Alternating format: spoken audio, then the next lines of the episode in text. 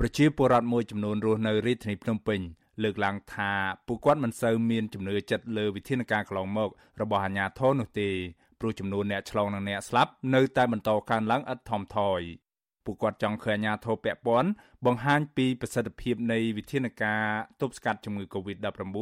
របស់អាជ្ញាធរនិងចេញមុខដោះស្រាយជីវភាពរបស់ពលរដ្ឋពេលអាជ្ញាធរអនុវត្តវិធានការទប់ស្កាត់ជំងឺនេះ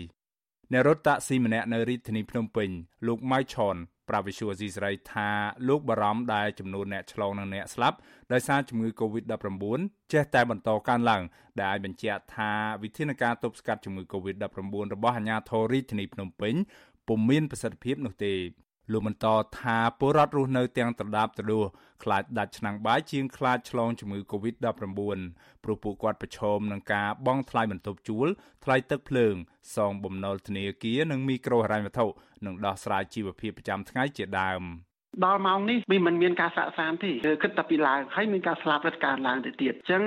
ចំចង់ក្នុងនាមខ្ញុំជាប្រជាពលរដ្ឋខ្ញុំមើលគឺឃើញដូចថាអាចនឹងវិលទៅរកកន្លែងតាមវិញនឹងមានការបិទគប់ឡើងវិញហើយបើបិទគប់ម្ដងទៀតគឺសម្រាប់សេដ្ឋកិច្ចប្រជាពលរដ្ឋគឺដូចជារូបខ្ញុំអីនេះគឺថាប៉ះពាល់ខ្លាំងមែនទែនអត់មានប្រសិទ្ធភាពអីទេតែដុនដាបទេបាទ ស្រដៀងគ្នានេះដែរម្ចាស់ហាងនំខេងម្នាក់នៅរាជធានីភ្នំពេញលោកស្រីម៉ៃសាយាលើកឡើងថាដំបងឡើយគ្រួសារលោកស្រីបើកហាងនំដោយខ្ចីលុយពីធនាគារក៏ប៉ុន្តែការរីករាលដាលនៃជំងឺ Covid-19 ជាមួយឆ្នាំនេះបានធ្វើឲ្យអាជីវកម្មរបស់លោកស្រីមិនអាចងើបរួចពីបំណុលនិងបង់ថ្លៃផ្ទះជួលជាង600ដុល្លារនៅក្នុងមួយខែនោះទេ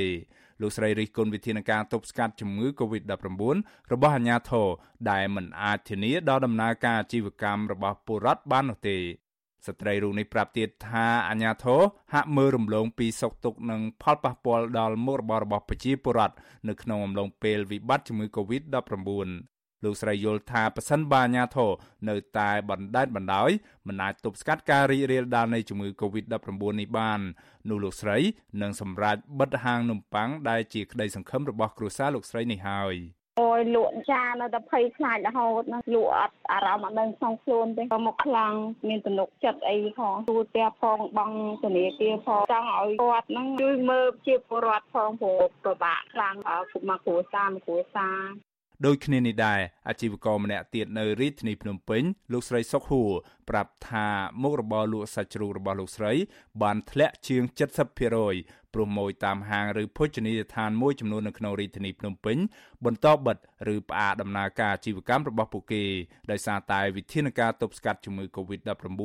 របស់អាជ្ញាធរបន្តអូសបន្លាយហើយមូលហេតុនេះក៏បានរុញច្រានជីវភាពគ្រួសាររបស់លោកស្រីឲ្យខ្វះខាតដោយប្រជាពលរដ្ឋផ្សេងទៀតនោះដែរ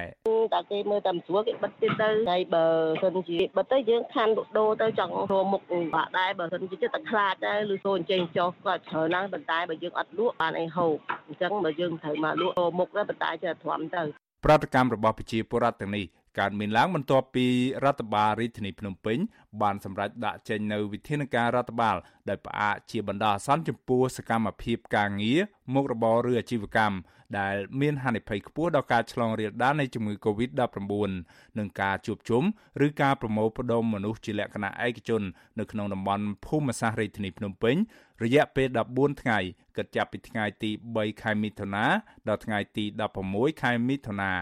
ពលរដ្ឋអះអាងដូចគ្នាថារដ្ឋាភិបាលនិងអាជ្ញាធរផ្ដោតតែទៅលើការបិទឬផ្អាកក៏ប៉ុន្តែហាក់មិនបានគិតគូរអំពីបញ្ហាដំណើរការមុខរបរនិងអាជីវកម្មរបស់ពលរដ្ឋដើម្បីដោះស្រាយជីវភាពនិងការខ្វះខាតរបស់ពួកគាត់នោះទេវិសុវអាស៊ីស្រីមិនអាចតាក់ទងអភិបាលរាជធានីភ្នំពេញ លោកខួងស្រេងនិងអ្នកនាំពាក្យសាលារាជធានីភ្នំពេញលោកមេតមាសភក្តីដើម្បីសុំការបកស្រាយជុំវិញរឿងនេះបាននៅឡើយទេនៅថ្ងៃទី6ខែមិថុនាដោយទូរស័ព្ទហៅចូលតែពុំមានអ្នកទទួល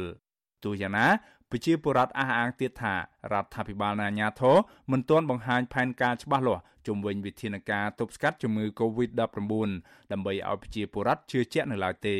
ពួកគាត់យល់ថាការលុបចោលវិធានការបិទគប់នៅរាជធានីភ្នំពេញកន្លងមក បង្ហាញថាអាញាធរចង់គេចវេះពីការទទួលខុសត្រូវចំពោះជីវភាពរស់នៅរបស់ប្រជាពលរដ្ឋនិងការផ្ទុះការតវ៉ាពីសំណាក់ប្រជាពលរដ្ឋនៅតំបន់បិទគប់តែប៉ុណ្ណោះ ជុំវិញរឿងនេះប្រធានសមាគមប្រជាធិបតេយ្យនៃសេដ្ឋកិច្ចក្រៅប្រព័ន្ធលោកវ៉ុនពៅមើលឃើញថារដ្ឋាភិបាលបានរៀបចំផែនការទប់ស្កាត់ជំងឺ Covid-19 ដែរក៏ប៉ុន្តែផែនការទាំងនោះមិនបានឆ្លើយតបឬជួយដល់ប្រជាពលរដ្ឋដែលបាត់បង់ការងារមុខរបរនិងខាតបង់អាជីវកម្មនោះទេ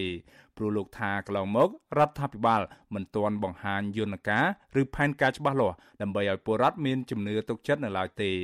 លោកវ៉ុនពៅយល់ថារដ្ឋាភិបាលគួររៀបចំផែនការមេឲ្យបានច្បាស់លាស់មួយ ដើម្បីឲ្យពលរដ្ឋជឿជាក់ទៅលើដំណើរការបើកអាជីវកម្មរបស់ពួកគេឡើងវិញ